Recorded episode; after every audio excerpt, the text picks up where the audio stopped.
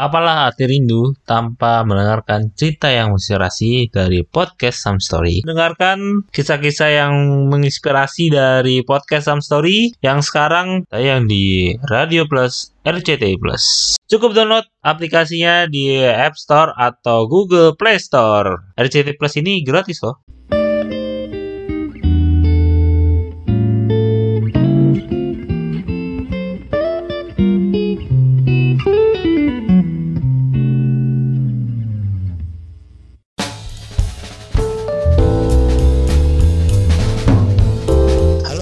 Lagi di podcast Some Story, sebuah cerita menginspirasi barengan gue Adam. Di episode kali ini biasanya gue ditemani oleh co-host ya, tapi kali ini gue bawain sendiri gitu. Tapi nggak apa-apa, pastinya gue bakal menemani teman-teman semua nih yang mungkin ya gabut, nggak tahu ke mana gitu ya, atau ngapain mending dengerin podcast Some Story aja. Di episode kali ini bakal ada bahasan yang menarik. Mungkin di episode sebelum-sebelumnya gitu ya, gue membahas yang berhubungan dengan industri, walaupun ada sedikit yang mungkin berbau halal gitu ya, atau syariah. Tapi kali ini gue mau bahas agak sedikit lebih ke general tentang industri yang udah pasti gak asing lah. Tiap hari mungkin lo mikirin tentang hal ini gitu ya. Terus kali ini gue bakal ngomongin soal industri fashion. Kayak lebih ke tren mode fashion ya sih sebenarnya. Sebenarnya yang update apa sih yang di ada di fashion terus sekarang tuh orang ketika mungkin berdana atau bergaya fashion tuh lebih ke mana sih? Jujur gue pribadi sebagai cowok ya, mungkin kalau saya lebih memikirkan kalau gue lebih cuek gitu ya tentang fashion gitu. Tentang gaya fashion yang gue pakai kayak yang penting. Gue pakai kaos pun keluar tuh gue gak masalah. Makanya gue pengen banget ngulik-ngulik nih soal tren mode fashion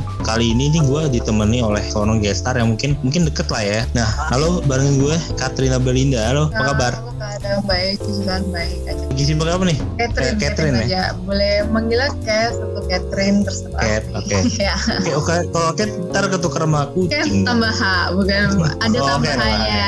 Gitu Oke, oke, oke. ngomong gitu emang baru Gimana, gimana? sekarang nih lagi sibuk apa ya pandemi juga nggak bisa ngapa-ngapain aku ini baru lulus SMA kemarin Wow, itu baru SMA. iya uh, apa? baru lulus SMA lulusan covid gitu ya kalau lulusan covid betul lulusan covid angkatan covid angkatan Emang covid ya terakhir berurusan sama sekolah itu kayak sekitar April itu kayak terakhir ujian ya ujian akhir gitu April Hmm, hmm. terus sampai sekarang itu nggak terlalu ada disibukin tentang sekolah apa pun paling cuma acara kelulusan itu pun online ya. Itu pun Hmm, virtual via zoom gini juga. Terus kalau tentang paling belakangan ini karena berhubung aku part time model juga Iya. di salah satu agency di Indonesia itu biasanya ada setidaknya ada photoshoot gitu atau job gitu. Tapi belakangan ini ya gara-gara ppkm kasus saya kasus covidnya naik lagi. Jadi ya Iya, benar. agak tertunda juga sih. Jadi agak jarang juga job gitu. Ya semoga teman-teman di sini yang mendengarkan ya stay safe terus ya. Semoga juga pandemi segera berakhir gitu ya. Udah mulai ya orang-orang mulai capek ya.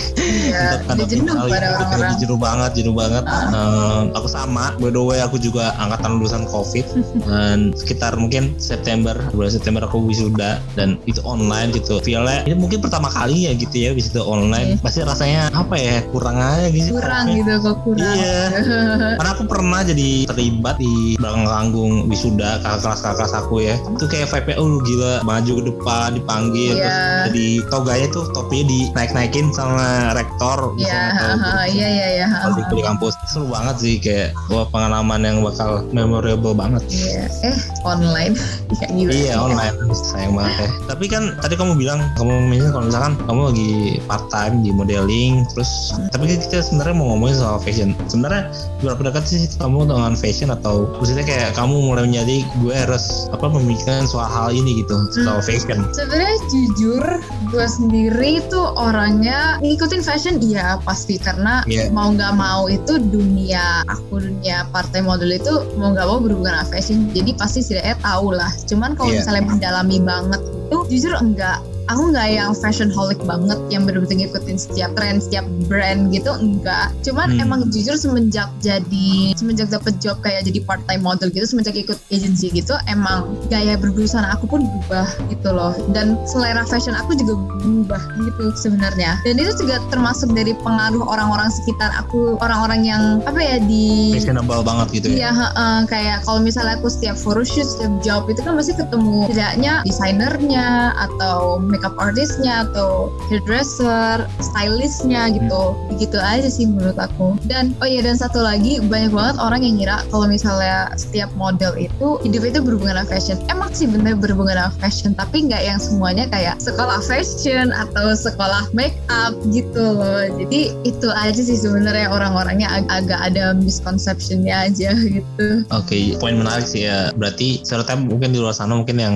mikir yang berhubungan sama modeling atau model pasti udah ngerti fashion gitu ya. Enggak selalu gitu. Yeah. Uh, tapi itu kayak mungkin dari pengalaman kamu aja mungkin kita just perspektif. Sebenarnya kriteria fashion atau gaya fashion yang kamu pakai ini sebenarnya gimana sih? Mungkin bisa ceritain kayak sebelumnya kamu tuh kayak gini-gini gini sesudah mungkin masuk dalam modeling, kedua juga orang yang fashionable. Iya. Nah, kamu beralih ke kriteria yang seperti apa gitu? Sebenarnya kalau kriteria fashion atau berbusana setiap orang itu berbeda-beda ya, tergantung yeah. selera. Yang pertama tuh pasti selera, terus personality mereka juga itu tergantung dan tergantung juga orang itu mau menunjukkan karakter mereka yang mana. Jadi kan ada juga orang yang ada orang apa istilahnya kayak narcissistic ya orang yang narsis gitu atau lebih orang yang tertutup yang introvert gitu. Jadi mereka pakai yang ah, apa adanya gitu. Nah, tapi selain itu juga kriteria fashion itu juga tergantung aktivitas sehari-hari sih ya menurut aku. Tergantung aktivitas sehari-hari gitu. Kalau misalnya orang kantoran yang mungkin bajunya lebih ke formal gitu. Hmm. Tapi kalau kalau misalnya masih anak sekolahan gitu lebih kayak ke casual gitu. Tapi nggak selamanya formal itu kayak cuman atasan kemeja putih bawah rok hitam atau celana celana hitam. Udah kayak PNS ya. Sama kayak gitu iya. Maksudnya tergantung orangnya masing-masing sih. Emang dulu mungkin orang mikirnya cuman kemeja blazer celana kemeja blazer celana gitu yeah. kan. Tapi sekarang itu juga seiring berubahnya waktu ya perkembangan zaman juga gitu. Yeah. Banyak orang-orang termasuk aku juga itu yang hmm. lebih merubah gaya fashionnya. Kalau aku personally sih gara-gara semenjak aku join agency gitu jadi model yeah. terus ketemu banyak orang yang berpengalaman gitu gaya fashion aku tuh berubah jadi lebih ke mencolok kayak warna-warna cerah lah lebih ke fun terus hmm. lebih ke yang unik gitu pokoknya ini aneh banget tapi prinsip aku itu semakin aneh bajunya itu semakin aku suka gitu iya iya kalau emang model emang gitu gak sih yang terlalu apa ya menonjol banget itu kayak bisa pakai topi jajar genjang atau gimana untuk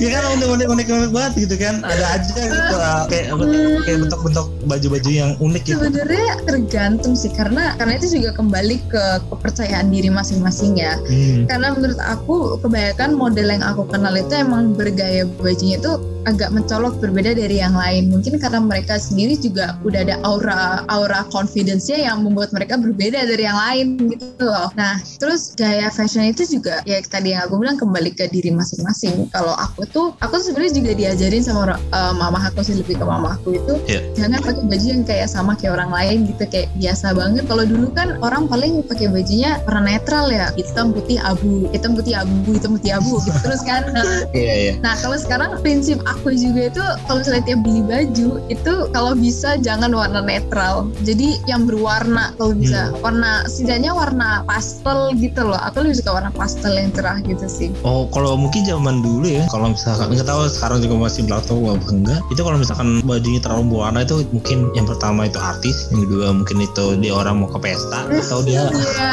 Iya iya, iya benar benar. kayak orang apa ya orang penting gitu loh. Padahal sebenarnya gaya aja sebenarnya itu namanya yeah. fashion ya. Semua orang kaum awam pun bisa menikmatinya gitu. Hmm. gak hanya orang kelompok orang tertentu yang bisa mengekspresikan dirinya gitu menurut aku sih.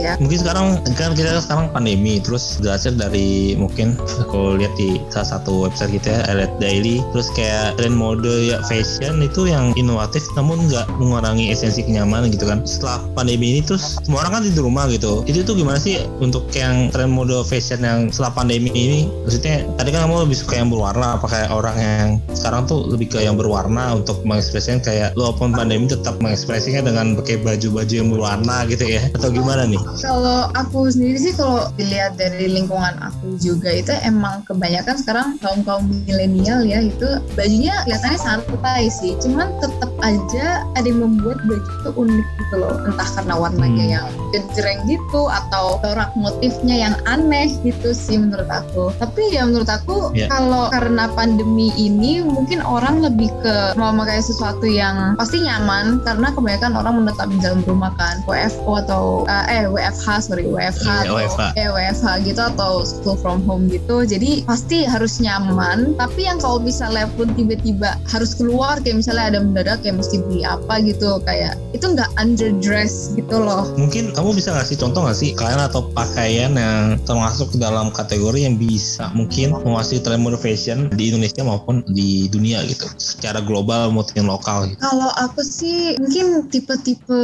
sekarang tuh oh lagi hype banget kayak tie dye gitu ya. Tie-dye. Kayak apa tie dye itu. Jadi banyak orang yang mengadaptasi motif tie dye ini jadi yama atau baju santai gitu yang modelnya tuh kemeja terus bawahnya itu celana panjang gitu. Cuman bahannya kain kain satin gitu yang adem sih. Heeh, yang adem gitu. Hmm. Karena mungkin juga orang-orang mikir di rumah itu karena kebaikan di rumah. Jadi Iya. kangen juga berpakaian rapi gitu loh. Jadi orang yang pakai kemeja dan celana panjang tie dye itu lebih kayak apa ya? Aduh kayak bosen banget di rumah masa pakai kaos celana pendek kaos celana pendek gitu terus gitu loh. Kayak kangen juga buat dandan, kangen dandan, kangen pakai baju rapi gitu. Padahal di rumah aja gitu. Kalau misalkan ini ya persiapan pora dulu menjadi ilmu yang spesifik gitu dengan kayak memastikan warna berpadu dengan baik tapi nggak berbenturan gitu nggak tabrakan tapi dan nggak terlalu intens. Nah di tahun ini mungkin 2021 dunia mode fashion gitu akan diisi dengan pakaian yang cetakannya kontradiktif gitu yang menyenangkan dan berani. Nah itu menurut kamu gimana nih? Emang kayak gitu ya sekarang tuh lebih ke sana cewek maupun cowok gitu. Kalau aku dari dulu kan aku mikir kayak ya nggak apa-apa, there's nothing wrong about it. Karena kayak Hmm. kita ini hidup di masyarakat yang dinamis jadi semuanya itu pasti berubah nggak mungkin menetap apa nggak mungkin mindset orang-orang itu pendirian orang-orang gitu mindset dan selera orang-orang itu menetap gitu terus kayak dalam jangka waktu yang lama. Karena pasti berubah gitu. Kayak fashion trend aja mungkin berubah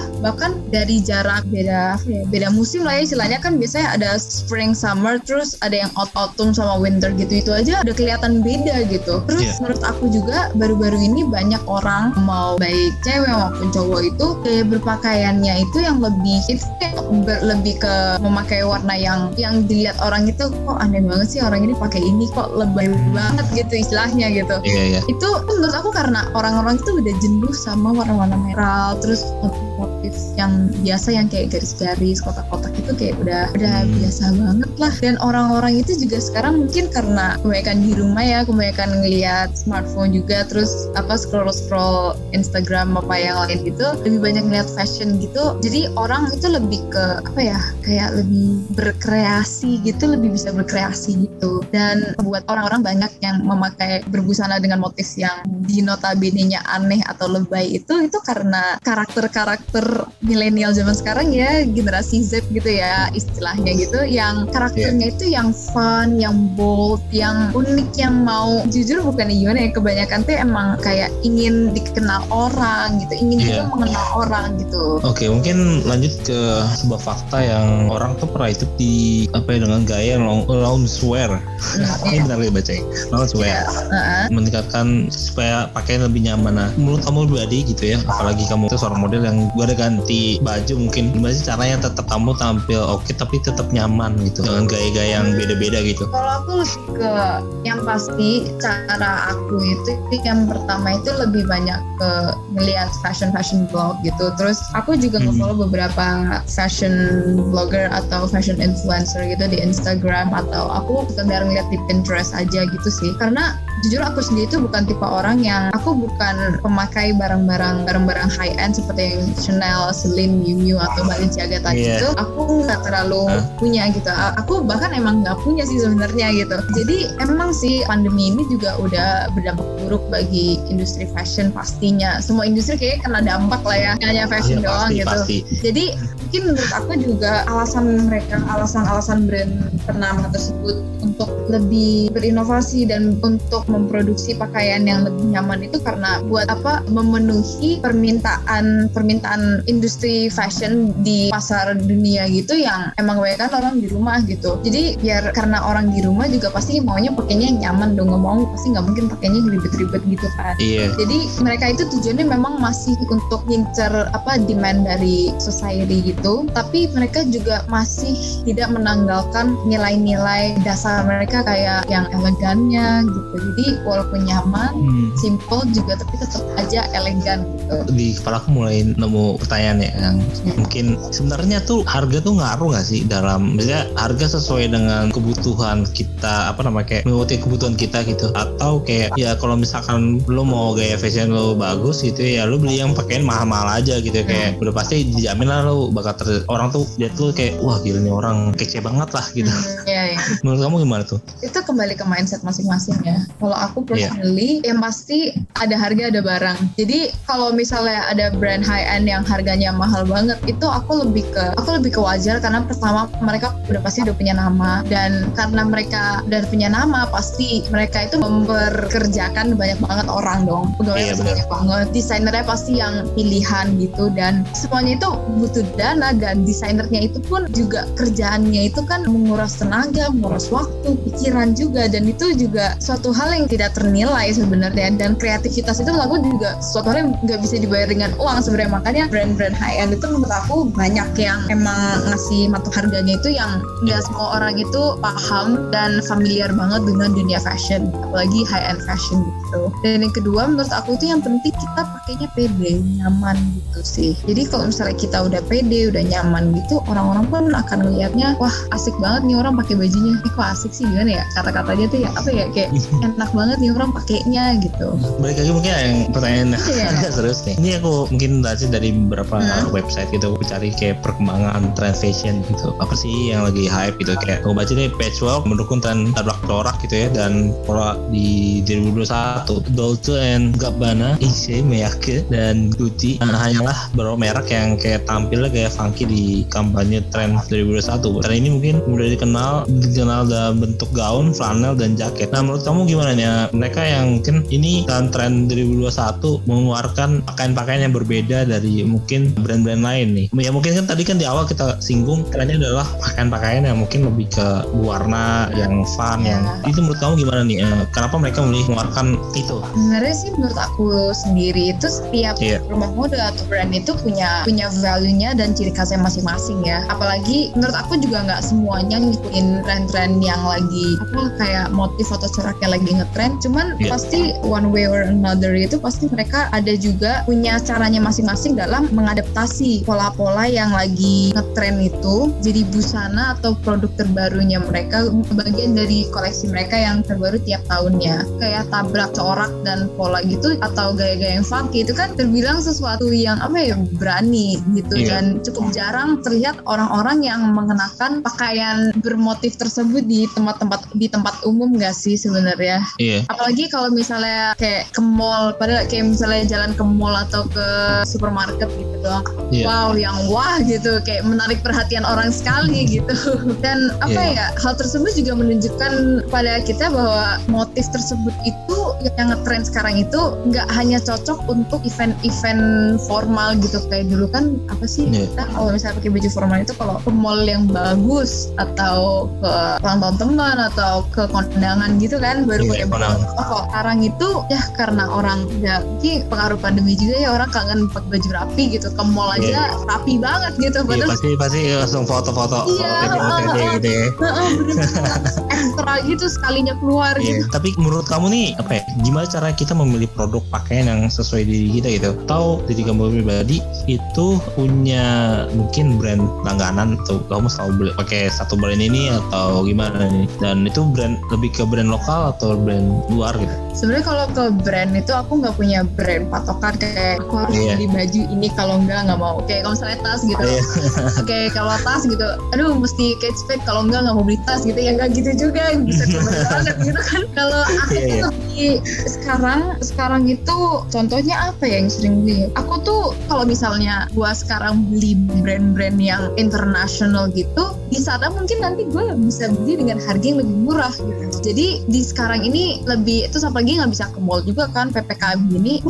Lebih ke belanja online pasti online shopping gitu. Ke brand-brand lokal sih. Walaupun emang harganya itu banyak yang bilang kayak kayak banyak banget yang bilang ngapain lo beli brand lokal? Kayak harganya sama sama kayak brand yang internasional gitu loh. Iya. kalau sebenarnya banyak kan kejadian game gitu cuman kalau dalam yang gue pikir itu adalah yang desain itu ya sama-sama manusia. Mereka juga sama-sama menggunakan kreativitas masing-masing dan Iya. itu tuh sesuatu hal yang harus kita hargain banget gitu jadi Iya. sebenarnya nggak kaget juga kalau misalnya harganya mungkin sama atau beda dikit doang itu karena ya ya balik lagi ada harga ada barang gitu loh Heeh. Ya dalam bentuk apa ya mendukung ekonomi kita baik lagi juga kali ya. iya heeh, betul Produk-produk betul lokal gitu guys. Iya, heeh. iya pakai produk Hmm. lokal gitu.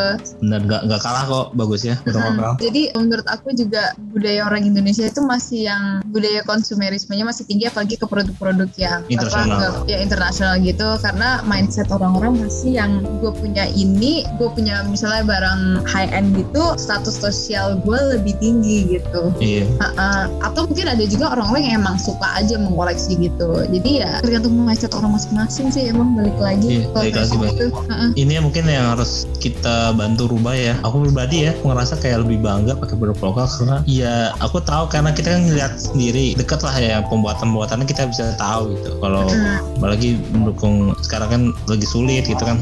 Iya, Ya, membantu juga gitu apalagi Betul, yang betul, UMKM. betul, betul. Karena orang tua aku pribadi emang di dunia fashion udah lama punya brand juga. Jadi aku ngerasa juga udah ngerasain ya pakai produk lokal gitu. Ya, bahan-bahannya dari lokal jadi ya tahu maksudnya kayak aku ngomong kayak eh cintai produk lokal tapi nggak pakai produk lokal kan ya sama Iya. aja Berarti aku udah aku jamin udah berpuluh-puluh tahun aku pakai produk lokal dan kualitasnya bagus Iya, dan ada juga sebenarnya yang membuat aku agak culture shock juga sih, tapi culture shocknya sama negara sendiri gitu. iya Misalnya apa ya, waktu new normal itu aku pernah ada photoshoot gitu dan oh ya dan satu lagi kebanyakan photoshoot aku itu aku dapet job itu malah kebanyakan produk lokal, mau itu kosmetik ataupun pakaian ataupun sepatu gitu. Iya. Dan itu emang kayak mereka tuh keren banget gitu sih. Kayak aku langsung dan emang waktu aku cek kayak barang-barangnya gitu di online gitu emang harganya ya sebenarnya nggak terlalu mahal juga. Mentok-mentok ya masih wajar gitu loh menurut aku. Iya. Kalau di kalau di kalau misalnya kita ngomongin tentang prosesnya segala macem gitu. Hmm. Tapi ya keren aja ternyata orang Indo tuh bisa buat game gini gitu. Bisa go internasional banget Iya. sebenarnya bisa gitu. bisa bisa banget bisa banget karena ada beberapa ya aku lupa namanya ada beberapa brand fashion juga yang sebenarnya namanya internasional banget tapi punya produk lokal Nah, bahkan juga Iya, apa ya brand bukan fashion tapi kayak Jeko deh Jeko itu banyak orang ngira itu brand luar loh. Tapi sebenarnya punya orang Indo gitu. Iya betul betul betul banget. Iya iya. dan Pokoknya ya, gitu yang Iya, benar-benar dekat sama kehidupan kita, Iya, kehidupan deket banget, deket banget. gitu. dan bahkan kalau misalkan ngomongin ini masih fashion ya. Kalau nggak salah Nike atau Adidas ya. Eh, buat itu masih Manchester United masih ah ini mau main bola sih. Masih ke Nike nggak salah ya. Dan itu jersey itu made in Indonesia gitu. Dan Nah, orang iya, pada ha-ha. dia orang-orang orang-orang tuh pada jauh kan. Banyak fans bola gitu ke sana buat pasti hype beda dong kalau beli. Iya, ha-ha. langsung di dari stadionnya gitu kan tapi Nah. ya kita balik lagi lihat ya made in Indonesia gitu kayak Iya, itu apa ya? Kayaknya itu emang strateginya mereka sih kayak mereka buka pabrik di Indonesia yang kalau di kayak misalnya harga upah pekerja di Indonesia kan relatif lebih Murah. lebih rendah dibanding di sana Iya. kan ya. Jadi itu juga production cost mereka juga berkurang juga jadi lebih hemat juga. Mereka modalnya juga lebih sedikit makanya itu sebenarnya agak kaget juga kan sebenarnya kayak "Ih, made in Indonesia gitu. Jadi mahalnya itu ya mahal di brandnya dan ongkosnya sih impor ekspornya itu Iya, sebenarnya. iya. Nah, tapi poinnya sebenarnya bukan itu sih yang aku bilang berarti ya bukan ini salah satu faktor emang kayak upah kita murah tapi walaupun upah murah tapi kualitasnya jelek berarti kan gak bakal kepake juga berarti Iya, kualitas kita gitu udah diakuin sama dunia gitu istilahnya iya udah betul. dipercaya. Betul betul banget ya.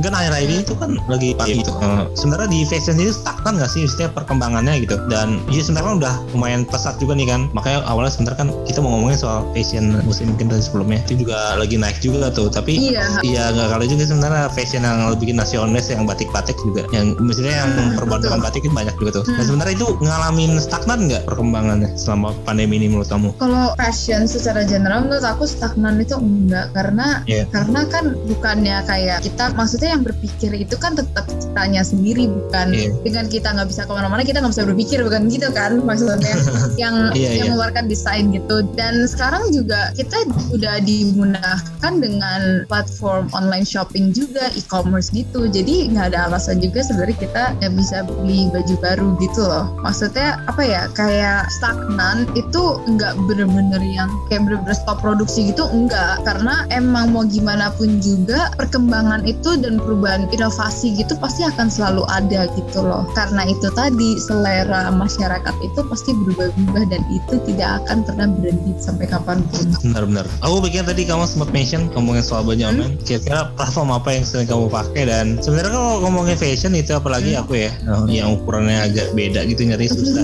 gitu dan apa ya suka nggak percaya gitu Hmm. namanya online kita ngeliat sendiri beli baju beli jaket beli apa pun Hmm. itu yang ukuran mungkin kalau topi ya oke lah maksudnya tapi kalau baju Ya. celana itu kan namanya size itu Iya, penting gitu dan ketika kita beli biasanya kan kalau misalkan di mall ke matahari atau mana Ya. itu kita coba di Iya, fitting roomnya bisa gitu. fitting room gitu kan. Nah ini kalau misalnya baju online tuh gimana kamu untuk nentuin Kalau- ini kualitas bagus atau enggak? Aku selama ini sih setiap barang yang aku beli aku belum pernah kecewa ya. Dan aku pakai terus gitu kayak emang untungnya gitu. Emang hoki mungkin hoki nggak tahu sih. Tapi kalau aku tuh lebih ke ngelihat review-reviewnya dulu. Jadi aku ngeliat reviewnya dulu. Aku bener-bener ngeliat reviewnya dulu karena dulu emang pernah kejadian itu mama aku dia pernah order baju gitu kayak atasan sama bawahan gitu bayangannya di gambarnya yang dia lihat itu terpisah. Jadi atasan dan bawahan tapi yang datang itu nyatu gitu loh. Jadi kayak agak kecewa. Hmm. kecewa sih makanya dari situ tuh agak trauma. Nggak pernah beli barang lagi barang online gitu. Kan sekarang kalau aku lebih kayak lihat reviewnya itu pertama terus pasti sekarang itu kebanyakan brand fashion lokal gitu yang di online store gitu mereka Hmm. ngasih detail banget biasanya itu ngasih detail dan gambarnya itu dari berbagai macam sudut gitu dari berbagai macam sisi gitu dari depan belakang terus detailnya gimana gitu dan apalagi ya oh iya aku pernah coba belanja di salah satu platform gitu menyediakan fitur fitting room virtual gitu Fitting room. jadi aku aku sebenarnya nggak ngerti prosesnya gimana karena waktu itu aku nggak sempat coba tapi itu kayak sesuatu hal yang baru menarik aku sendiri juga bingung itu gimana ya? Eh, pakai makanya. VR atau gimana ya? ah,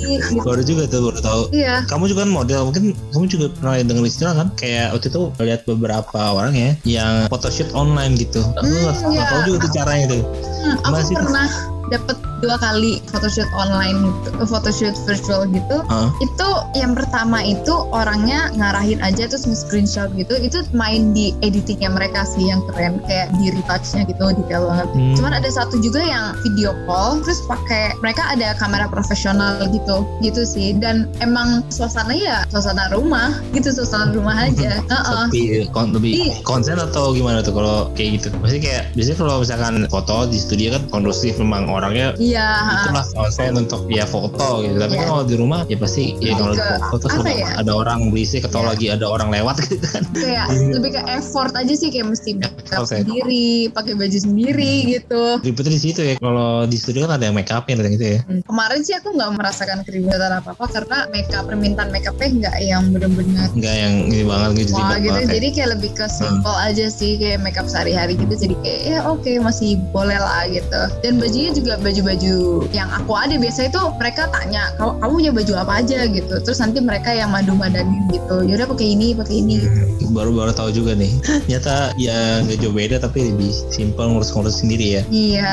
balik lagi mungkin ngomongin soal sekarang kan banyak juga nih Indonesian Fashion Week gitu terus mungkin sayangnya juga New York Fashion Week gitu kan beberapa desainer kita juga udah pernah tampil bajunya di sana sebenarnya menurut kamu tren mode fashion lokal nih apa sih yang bisa mungkin bersaing yang tadi kan ada beberapa mode fashion luar gitu ya dikeluarin beberapa brand besar gitu ya apa sih menurut kamu yang bisa bersaing banget nih tadi kan kita udah punya basic nih kualitas baju yang bagus tapi Iya. ya itu kan kalau misalkan bersaing itu kayak menurut aku secara uh, gaya model pakaian tapi ya apa yang akan diusung oleh buat kamu dan fashion lokal untuk bersaing dengan fashion internasional gitu sebenarnya aku tuh sebenarnya optimis kayak sebenarnya desainer desainer lokal kita itu apalagi yang masih fresh graduate atau yang masih Iya. muda-muda gitulah yang yang kaum milenial gitu itu berpotensi banget buat berkompetisi di fashion international gitu. Karena mereka itu lebih peka akan perubahan tren terus mereka itu kreatif mereka berani risk taker lah gitu istilahnya. Mereka juga mau berkreasi gitu loh. Dan sayangnya emang agak brand lokal itu agak underrated sama masyarakat kita sendiri itu karena pertama mendapat kurang perhatian. Karena kadang-kadang itu banyak juga produk impor itu yang ngejatuhin harga pasar gitu loh. Karena kan pasti kakak sering banget kan lihat kayak baju impor cuman yang harganya itu murah banget itu jadi kebanyakan orang mikir kayak oh ada yang lebih murah kenapa enggak?